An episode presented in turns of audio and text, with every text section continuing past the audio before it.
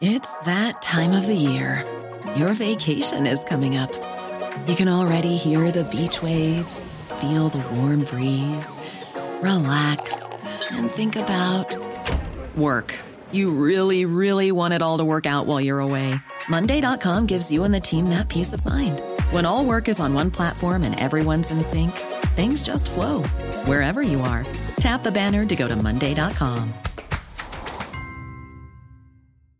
Jewelry isn't a gift you give just once. It's a way to remind your loved one of a beautiful moment every time they see it. Blue Nile can help you find the gift that says how you feel and says it beautifully with expert guidance and a wide assortment of jewelry of the highest quality at the best price. Go to BlueNile.com and experience the convenience of shopping Blue Nile, the original online jeweler since 1999. That's BlueNile.com to find the perfect jewelry gift for any occasion. BlueNile.com.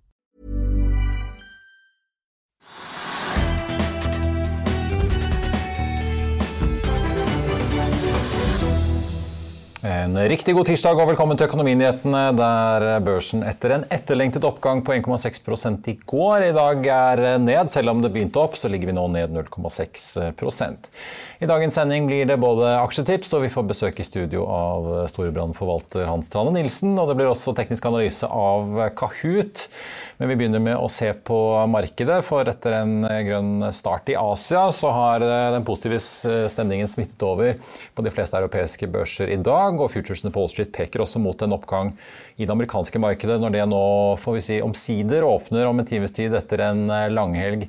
Det var jo da stengt i går pga. denne Juneteenth-dagen, som markerer slutten på slaveri i USA, som Nasdaq og Nyse da overholdt får vi si, for første gang, og dermed holdt stengt. Av aksjene på Oslo Børs er det igjen XXL som er med på å trekke hovedindeksen ned. Den er jo ned over 4 i dag, og var ned over 4 i går også. Norwegian, Bakkafrost og Acetec er også med på å trekke stemningen ned. Acetec er ned 4,5% etter gårsdagens saftige oppgang på 19% på plussiden så finner vi aksjer som PGS, BVL, LPG, TGS og Valenius Wilhelmsen. I tillegg til Bergen Bio, så det er jo en relativt hva kan vi si, oljetung, i hvert fall oljeeksponert liste over oppturer der, altså. PGS-aksjen er opp over 10 i dag etter en melding fra selskapet om at de har tildelt en betydelig kontrakt bestående av en rekke 4D-seismikkundersøkelser for et internasjonalt oljeselskap offshore Vest-Afrika. Apropos oljenæringen, oljeprisen er enda litt mer opp i dag etter den nedturen vi så på tampen av forrige uke. Vi ligger nå opp 1,2% i spotmarkedet på nordsjøoljen til 115 dollar og 50 cent. Mens den amerikanske lettoljen VTI ligger og dupper rett under 110. Morgan Stanley har omtalt Norsk Hydro i en ny rapport der investeringsbanken er positiv til aksjen. På den andre side så kutter Pareto kursmålet de har på aksjen i dag. Norsk Hydro ligger ned 0,2% og er ganske solid ned fra den toppen vi da så i mars måned. Så får vi også ta med Inify, som altså ble skilt ut fra Context Vision og børsnotert på Oslo Børs i går. Den aksjen er pauset og ned 7% så langt i dag. Aksjen hadde en helt vanvittig oppgang på over 200% på det meste i går. Og steg fra en åpningskurs på 4 kroner og 2 øre til 10 kroner. Og har bikket litt ned i dag, altså til 9,30. Flyaksjene er stort sett litt ned i dag. Norwegian er ned 2,5% De steg jo 3 og 4% de siste to dagene. Og Flyr fikk seg også en ordentlig opptur i går. Det har jo skjedd mye får vi si, med logistikken og bemanningstrøbbel i bransjen i det siste. Her i Norge så ble det i morges klart, og i natt får vi si, at det ikke blir streik hos bakkemannskapene, fordi NHO Luftfart og da fagforeningene ble enige. På flyteknikersiden derimot så fortsetter streiken, og ifølge NTB så har Norsk flyteknikerorganisasjon nå tatt ut 106 medlemmer, og ytterligere 39 tas ut i streik fra og med lørdag, hvis ikke det blir en løsning innen den tid. Før vi går videre i sendingen, husk at du også kan se sendingene våre ved å gå inn på fano-tv, og at vi også har andre podkaster enn bare Økonominyhetene, som Morgenkaffen, Gründerpodkasten Veien hit, Ukens vintips, Kunstpraten og bilpodkasten Mil etter mil. De finner du ved å søke Finansavisen, der du hører på podkast.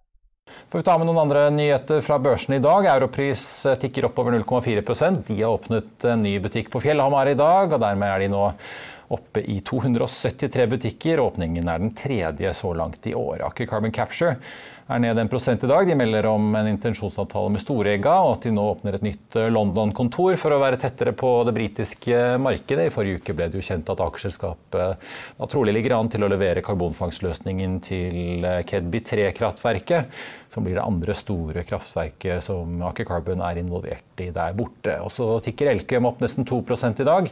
De har vært på kjøperen og inngått en avtale med Kjetil Holta om å få kjøpe selskapet Key West Belgium, som driver med metallpulver. Selskapet omsetter for rundt 100 millioner kroner årlig, ifølge Elkem. Men hva de blar opp for dette selskapet, skriver de ikke, men de skal døpe det om til Elkem Processing Services Belgium.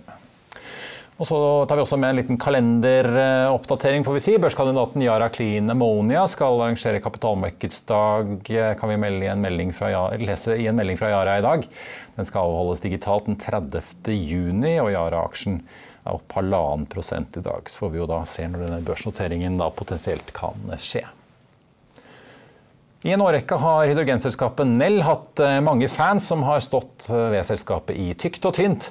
Aksjen har imidlertid falt kraftig siden januar i eh, fjor. og Vi får jo da se om det kommer noen opptur med det første. Kan, kan jo kanskje være at Europas energikrise kan gjøre utsiktene enda litt lysere. Mer om det i dagens aksjetips. Det er viktig å advare småsparere mot å investere i denne aksjen nå, sier Geir Lindløkken i Investec til Finansavisen.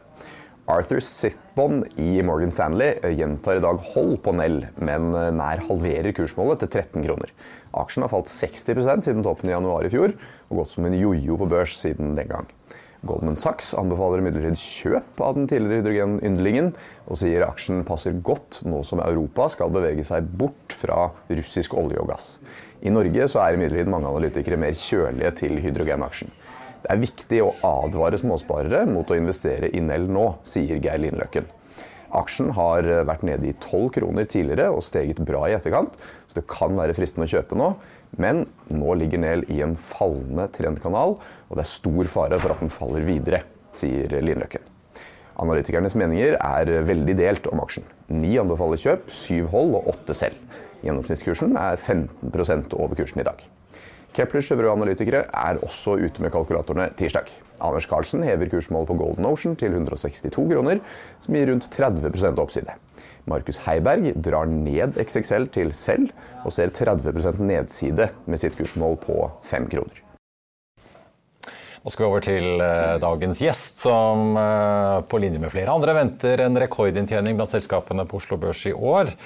Og For å hjelpe oss med å navigere alle svingningene og all usikkerheten som preger markedet nå, så er vi veldig glad for å kunne ønske velkommen til deg, Hans Rane Nilsen, forvalter i Storebrand. Velkommen. Tusen takk. Ja, jo, Vi hadde akkurat besøk av Leif Eriksrød Alfred Berg her, eh, som også går og venter på rekordtall i Q2 og kanoninntjening. og Det er ikke så rart, i hvert fall hvis man ser på oljesektoren. Eh, men litt sånn overordnet, hvordan leser du det markedet vi har nå? da? Det, jo, det går jo mye bedre på Oslo Børs enn mange andre børser. Men det svinger jo fortsatt voldsomt dag til dag. Mm. Jeg syns Oslo Børs i år har oppført seg omtrent som en trom hva læreboken skulle tilsi. Ja. Og vi hadde et stort seminar i forrige uke hvor jeg gikk litt gjennom dette her. Og det er vanligvis to grunner til å ha en god del Norge. Det er når sykelen akselererer, altså at det er tiltagende vekst i verden. Det kan vi vanskelig si at det er nå. Men så er det også når olje- og hydrokarbonmarkedene er veldig stramme og det er høy oljepris. Og det er det nå. Og ser vi på meravkastning i Norge i år, så kan vel bortimot alt forklares av Equinor og Aker BP, som tjener mer enn vi trodde. De driver godt, altså høy regularitet på produksjonen. Mm. Og de, ja, inntjeningsestimatene har blitt jevnt og trutt justert opp på overrasket vel av de aller, aller fleste som holder på med olje. Ja, Vi har jo fått nykommeren Vår Energi også, så vi har plutselig tre store oljeaksjer i tillegg til liksom noe Okea og de mindre. Det har vi. Nei, det er et fint investeringsunivers å jobbe med. Og så skal vi også huske at olje er en syklisk næring. Og den høye oljeprisen vi har nå, er såpass høy at den nok vil prege etterspørselen og gjøre at folk rett og slett ikke får råd til å bruke så mye olje eller bensin og diesel som de ønsker. Ser jo debatten her i pressen om bensinpris på 27-28 kroner literen. Um, dyrt for vår lommebok, men kanskje bra for et fremtidig grønt skifte. Og vanligvis noen som er med på å senke oljeprisen på sikt. Ja, det er jo folk, noen som går og spekulerer at altså vi vil se 30-35 kroner kanskje i sommer. Jeg så Anders Johansen i Danske Bank hadde et regnestykke på det. Ja. og Det er vanskelig å være uenig. Så spørs det bare hvor fort denne oljeprisen begynner å plage økonomien. Det er vanligvis et lag på et-tre kvart års tid fra oljeprisen stikker til etterspørselen begynner å gjøre vondt og konsumentens lommebøker begynner å gjøre vondt. Da flyr vi mindre, da kjører vi mindre, og industrien bruker mindre diesel. Men uh, Apropos disse oljeaksjene. Uh, er det sånn du tenker at man skal sitte på dem litt til, eller uh, skal man gjøre som Eni og Hightech Vision og ta litt gevinst og penger av bordet? Ja, nå har de 100% eksponering, og det er to aksjonærer som nok er dyktige til å ta inn markedet og dyktige til å tjene penger. Så man skal ha respekt for at man selger litt oljeaksjer når oljeprisen har stukket så mye. Samtidig for oss som skal være på Oslo Børs og finne gode ting for den kommende perioden, så er det nok sannsynlig at vi kommer til å ha en del oljeaksjer fremover også, nettopp fordi markedet ser veldig stramt ut. Og så er jo deler av dette, altså Årsaken er jo delvis den ulykksalige krigen i Ukraina. Det er med på å gjøre dette strammere enn hva det ellers hadde vært, og nok med på å holde sykelen, at den varer litt lenger enn hva den pleier. Ja, i hvert fall på gassiden i Europa ser vi at krigen har en veldig stor effekt kraftig effekt. og Vi så også forrige uke når Gazprom skrudde fysisk ned flødet av gass til Vest-Europa, så stakk særlig vinterfuturene de stakk til nesten 40 dollar per MMBTU. og Det tilsvarer vel 230-235 dollar fatet. Ja. Det er frykt for kulde og frykt for gassmangel og rasjonering i Europa til vinteren. Ja, Det kom en ganske klar melding fra den tyske finansministeren var det vel, eh, om at eh, her skal lagrene fylles omtrent koste hva det koste vil. At de til og med vil bruke mer kull eh, for å klare dette målet. Jeg tror Gazprom har sett litt på, fordi gasslagrene i Europa tidlig i uh, april var nesten uh, nede på 25 av vanlig fylling. Så er de doblet i Europa nå i vår gjennom tiltak. Og lagrene er vel nesten oppe på gjennomsnittsnivå for juni. Det ser selvfølgelig Gazprom. De har ingen ønske om å gi Europa noen uh, fri lunsj her og noe mer gass enn de absolutt må. Og Derfor tror jeg nok de skrur igjen nå og har lyst til å skremme Europa litt med som følge av hva som foregår i Ukraina. Men Tror du eh, på dette som Tor Olav Trøim går og Prekner nå, eh, den selverklærte karbonisten, at vi står foran en sånn kjempesykkel pga. mange år med underinvestering innen olje og gass, eller er du litt mer forsiktig? Jeg har ikke lest og hørt og sett det foredraget Tor Olav eventuelt måtte ha hatt, sånn som du siterer ja. på, men uh, det er, er, jo egentlig at vi har hatt veldig mange år med underinvestering. At det derfor vil på en måte komme noen mange år, selv med en pris nå på 115-20 dollar fatet. Det er nok en prisfunksjon, fordi prisen har åpenbart stukket fordi det er for lite hydrokarboner tilgjengelig for etterspørsel. Der, mens vi her i Norden er opptatt på å skifte vekk fra hydrokarboner, skifte vekk fra olje og kull, så er det de fleste land i verden fortsatt på den tro og ønske at de ønsker å bruke mer av det. Det har jo løftet prisene, og etter vel, som du sier, syv år med underinvestering, så så vi nå midt i mars i år at investeringene tar seg kraftig opp. Mm. Og Så får vi se da hva som kommer først. Tilbudet, som åpenbart er på vei opp. Eller at prisen plager etterspørselen så mye, f.eks. gjennom en resesjon, som også mange spår. Hvordan er det troen din på disse serviceaksjene som uh, det snakkes mye om? Vi har på en måte PGS som er ganske giret. TGS er rake motsetningen. Aker Solutions. Altså man har en del aksjer å spille på her, også i supply-sektoren, ikke minst? Ja, Vi har hatt uh, tre av dem, hvorav to hyggelige overvekter det siste året, så det har vært uh, bra. Uh, så gikk det fort. Og noe av de som vanligvis er dyrest, er de store amerikanske, Schlumberger og Halliburton.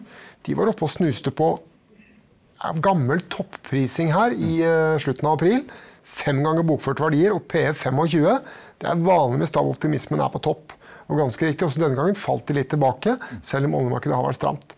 Men at vi skal ha en uh, ganske ok investeringssykkel i olje- og gassnæringen, det tror jeg helt sikkert. Ja. Så dere forlater ikke sektoren akkurat med det første? Nei, og det er også litt relativt. Å se på hva vi skal ha kontra andre potensielle investeringer. For det er ikke noe å komme bort fra at makro ser litt svakere ut nå enn hva de gjorde for tre måneder siden. Og vi har en del sykliske næringer her hjemme som vi da må velge å navigere med våre porteføljer.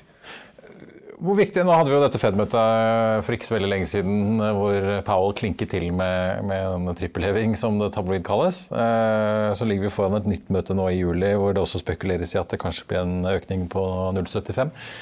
Eh, hvor viktig liksom, trigger er det for dere? Jeg tror ikke rentemøtene i seg selv er trigger, men det som er trigger, er de altså Markedet er jo veldig til å gjette rente på sentralbanken hvor du skal gå, og bevegelsen i det korte rentemarkedet og interbankmarkedet går jo ofte i forkant av sentralbankmøtene. Men det er litt guffent å se etter to og et halvt, tre år med gratis penger at sentralbankene først i fjor sommer ikke gjorde noe når inflasjonen kom. Så begynte vi å se lønnsinflasjon i enkelte land i tredje kvartal i fjor. Det var veldig tydelig gjennom kvartalsregnskapene til selskapene. Og at man da fortsatte med nullrentepolitikk og kjøping av statsobligasjoner, det var litt uggent å se på fra utsiden for en aksjeforvalter som ikke alltid pleier å bry seg om korte renter, men nå må vi.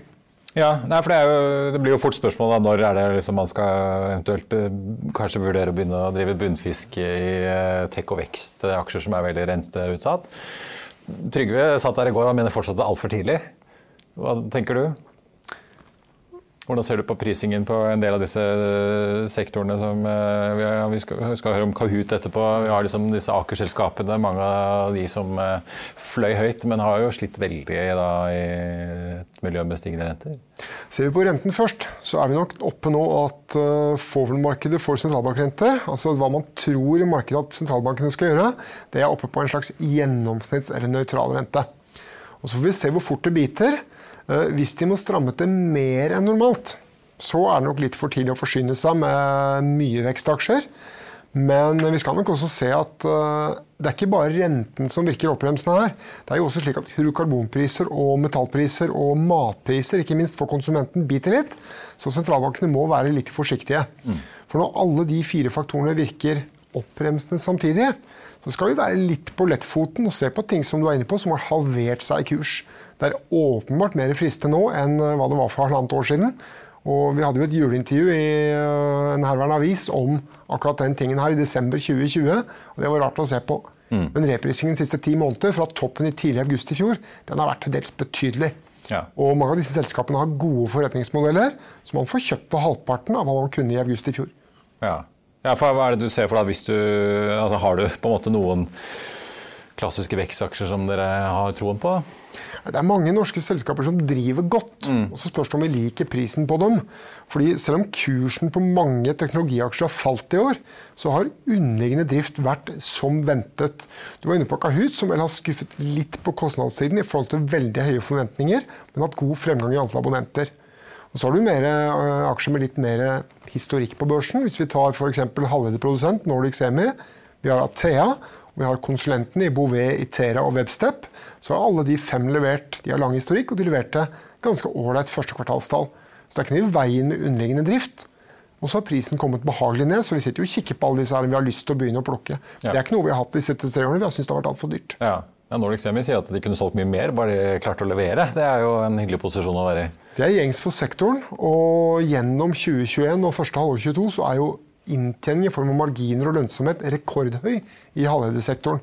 Og så må vi bare være litt forsiktige, for vanligvis så er, hvis man ser på dette globalt, så er jo lønnsomheten også i den sektoren en funksjon av den globale sykelen.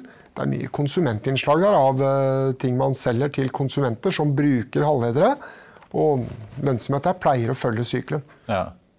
Eh, du sendte meg her i forkant litt sånn oversikt som du hadde på eh, liksom de som har gjort det best og verst i eh, egentlig mai måned. Mm. Så tenkte jeg på litt sånn ja, Mai, det var juni, var det ikke? Ja, unnskyld. Juni måned, ja. tenkte Jeg på litt sånn, Mange er jo på jakt etter noe litt sånn tryggere havner og sitte i typiske litt mer defensive aksjer. Så har vi i hvert fall tidligere år sett at en klassisk defensiv aksje, aksje som Orkla egentlig ikke har prestert så veldig bra. Eh, men jeg så jo nå plutselig så, så ligger jo da f.eks.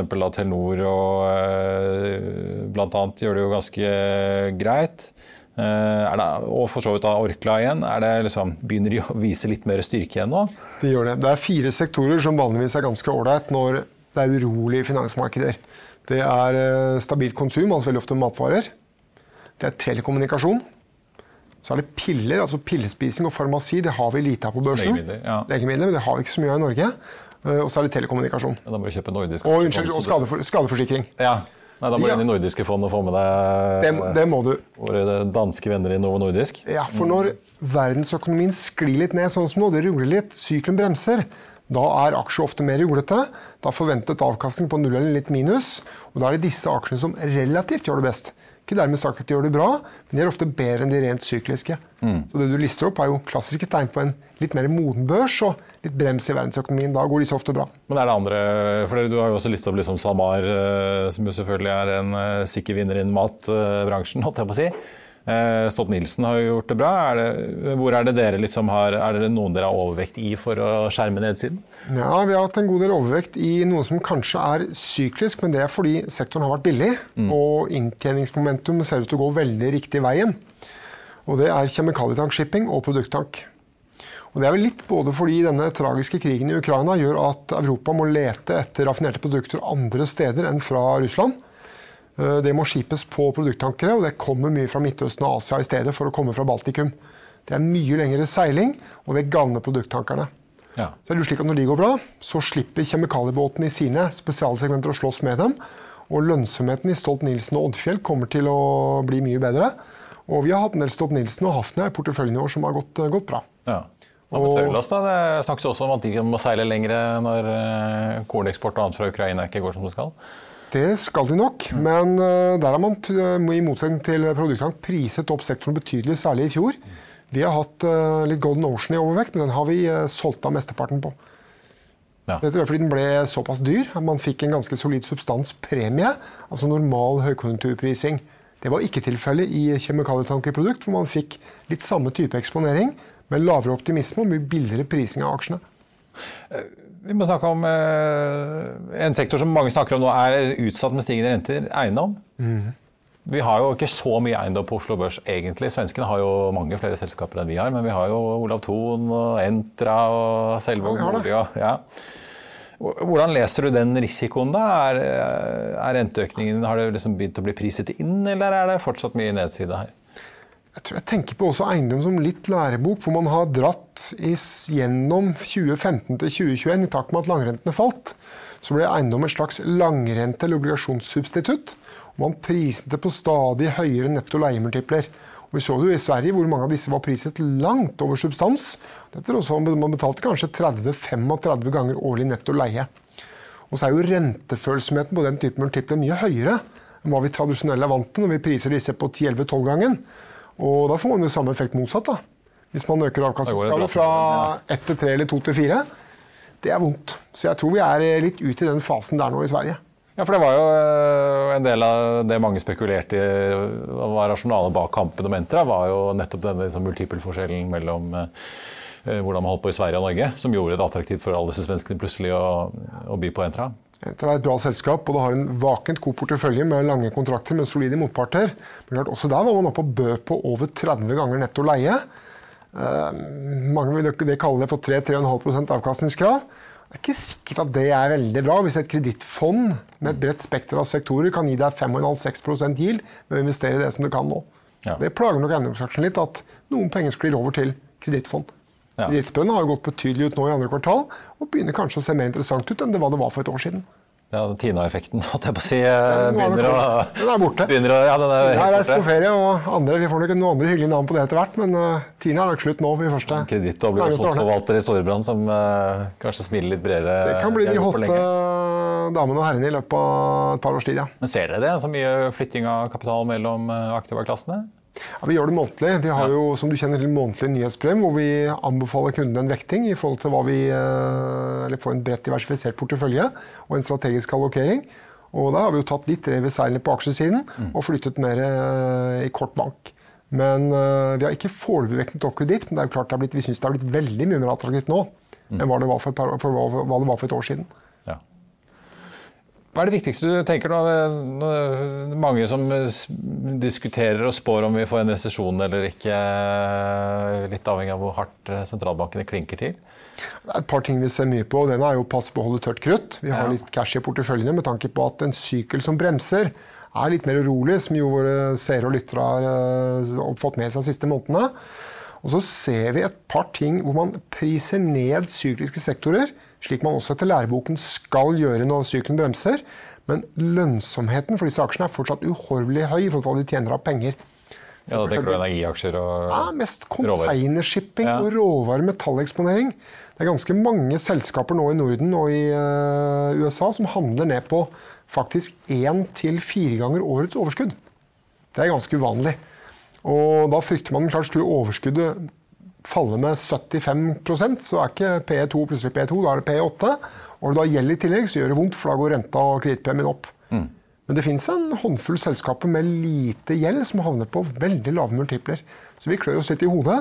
Skal vi tørre å kjøpe, og skal vi tørre å bunnfiske litt her? For dette er sjeldne multipler. Ja. F.eks. på bilshipping på Oslo Børs, hvor åpenbart alle ser at bilsalget er dårlig, bilsykkelen er dårlig, tung rullende last blir dårligere, men de handler på underlig lave multipler, og de har ikke spesielt mye gjeld. Ja. Så det er litt sånn snodig å se på, så vi lurer på hvor mye vi skal tørre der. Men altså, tror du vi får en resesjon, eller er du litt sånn jeg vet ikke om vi har noe offisielt syn på det, så jeg skal være forsiktig med hva jeg sier. Men den type oppbremsing som vi har nå i økonomien, for det er ingen tvil om at verdensøkonomien går saktere, og vi ja. har sentralbanker som må ta rotta på inflasjon, for å si det litt uh, brutalt. Så lurer jo folk på om det da, vet, vet denne famøse myke landingen i hele tatt er mulig å oppnå ah, eller ikke. Ja. Statistisk har det vel vært flere resesjoner enn myke landinger. Men så er det jo slik at en resesjon behøver ikke bety at inntjening av aksjer går helt i bøtta.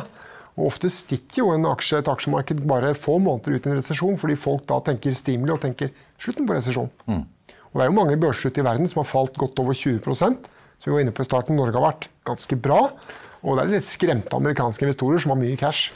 Ja, ja, ja, nå har jeg tenkt, altså, Vi skal ikke lenger enn over grensen ved Svinesund. Så er det jo noen svensker som har hatt en ganske annen utvikling eh, på sin eh, børs enn det vi har hatt her hjemme i Norge.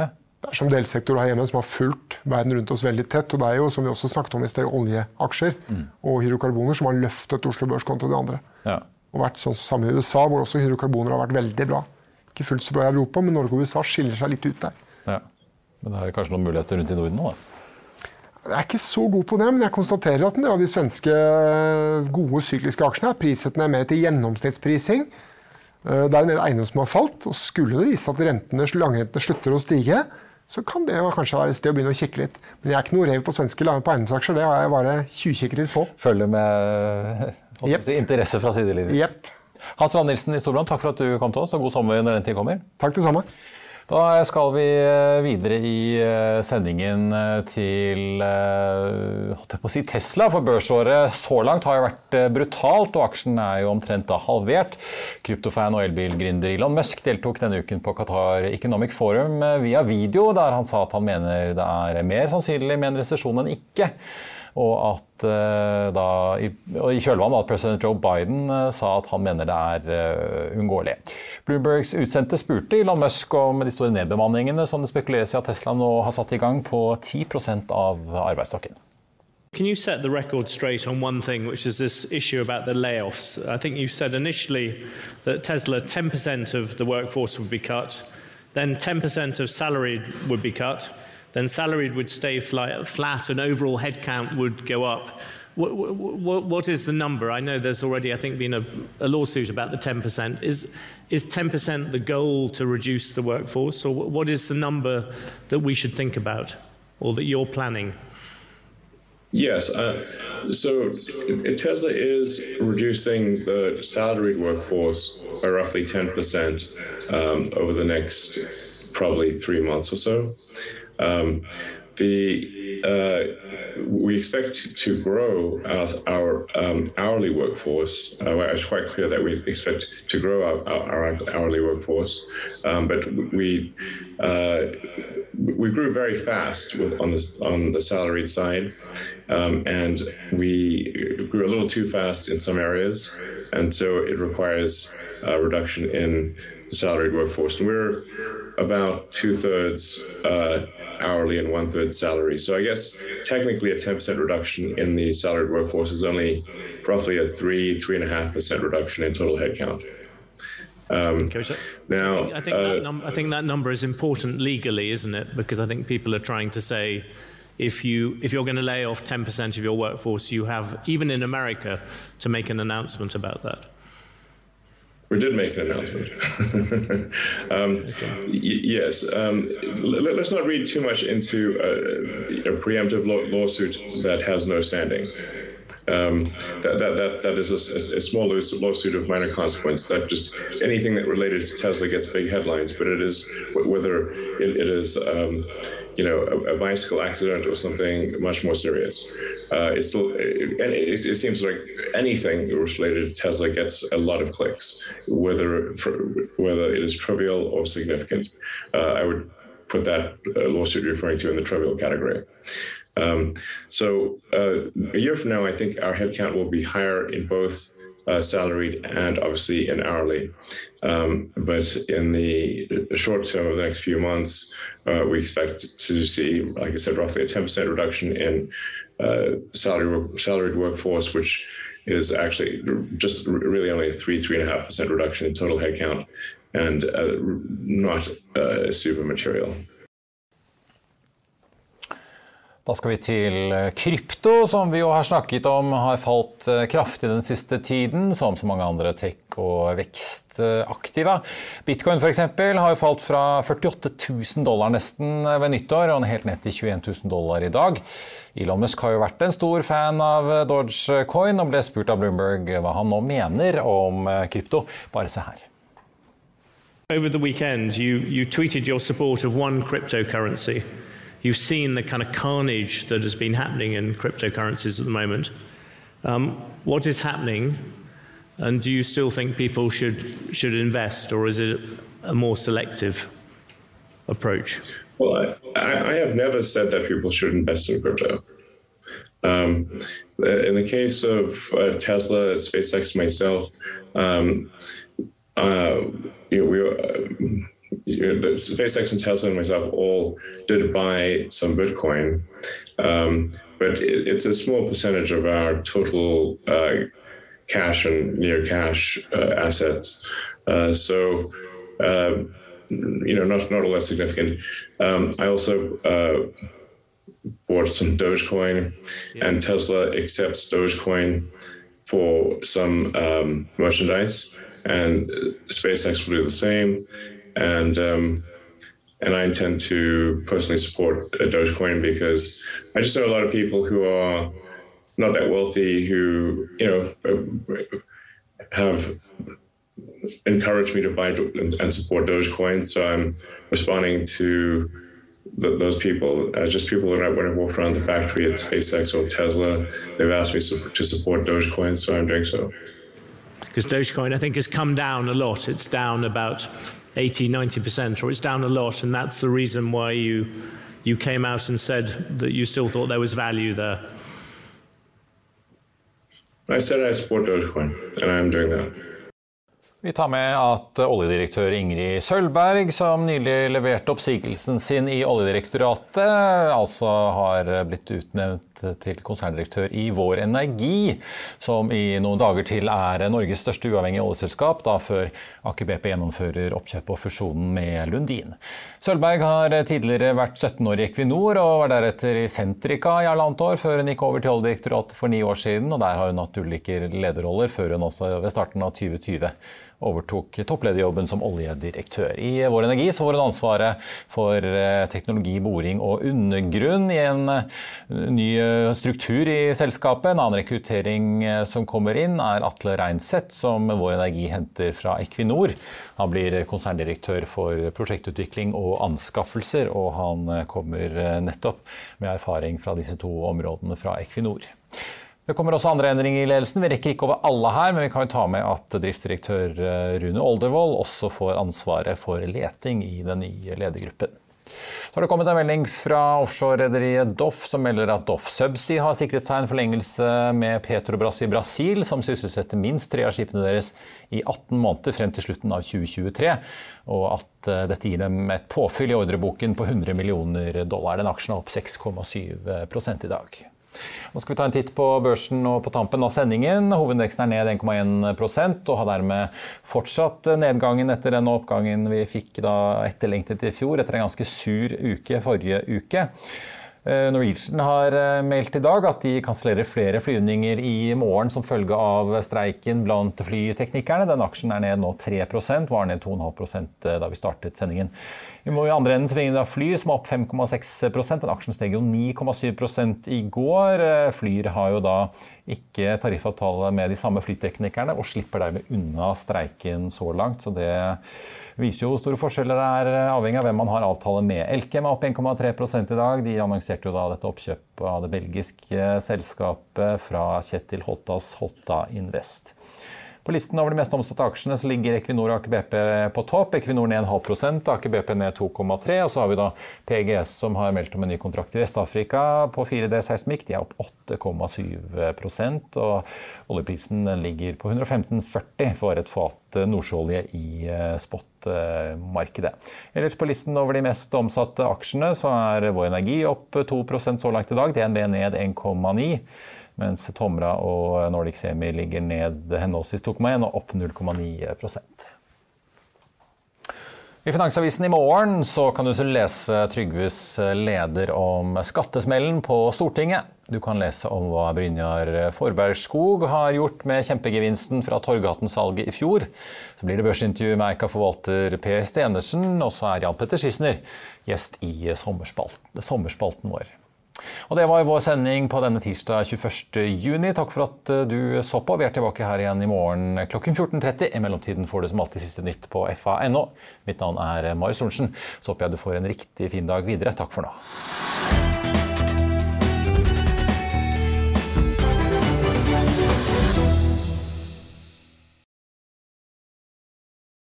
Økonominyhetene er en podkast fra Finansavisen. Programledere er Marius Lorentzen, Stein Ove Haugen og Benedikte Storm Bamvik. Produsenter er Lars Brenden Skram og Bashar Johar. Og ansvarlig redaktør er Trygve Hegnar.